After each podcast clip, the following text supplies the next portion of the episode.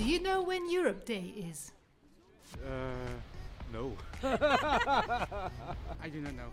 Uh, no, sorry, I don't know. It's okay. no, I don't know. Ooh, no. No, sorry. Pardon? Yes. On the 9th of May. This man is from Poland. I am not surprised he knows when Europe Day is. Europe Day is on the 9th of May. Here in Brussels, people hardly know, but in Bosnia Herzegovina, it's a big party. Vjosa Musliu is professor in the political science department at the Free University of Brussels. She's been studying the Balkan countries for years now. Because when you visit Kosovo, you might have the impression that the people over there are much more European than Europeans. So, how come they are not an EU member state yet?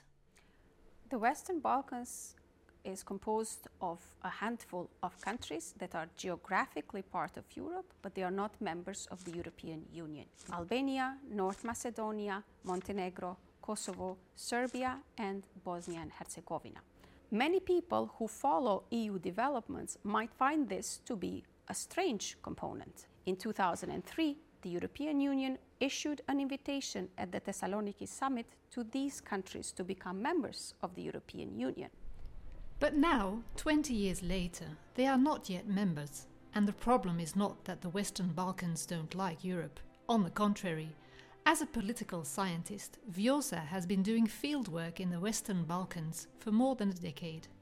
She's talked to all kinds of people, rich and poor, in cities and on the countryside, politicians, farmers, teachers, and one thing's very clear almost everyone in the Western Balkans wants to join the EU. The European Union is still associated with this Pleasantville, where everything works, and they associate the European Union with gender equality, with LGBT uh, plus uh, high records of rights, with uh, rule of law, with high standards of equality, and so on and so forth. So, what's the problem then? There are a lot of reasons why they are still not members of the European Union. And most of these reasons have to do with uh, what the EU considers to be poor records of rule of law, of uh, democratic standards, and also protection of human rights. These are officially the reasons why they are not part of the European Union. Uh, unofficially, there are a lot of political, geopolitical, but also cultural reasons why the region is not yet seen ready to be part of the European Union. Processes of reconciliation have not been entirely uh, successful, uh, not completed uh, as well. And this has uh, left a lot of open wounds and a lot of developmental problems that make countries of the region not seem ready to join the European Union. Before becoming members of the European Union, territorial disputes between countries have to be solved first. Oh, so because there's no real reconciliation after the wars in ex Yugoslavia in the 90s, the region is not considered to be stable. But that's not all there is to it. Other reasons that are associated with the region lagging behind also have to do with the perception that the EU has about these, uh, these countries. And we should not forget that the majority of this, uh, of this region is still composed by populations that are either Orthodox or Muslim. Now, the EU and the way how it was uh, formed, the EU is a primarily white Christian structure. And uh, it traces a lot of societal and cultural values in that metaphysic. Countries of the Western Balkans belong to different civilizational lines. Okay, but the EU knew that the Western Balkans were a bit different from traditionally Christian or white Europe in 2003 as well. Why then did they ask these countries to join in the first place? I think 2003 was a very different period for the European Union. It was also a very different period for the countries of the region as well.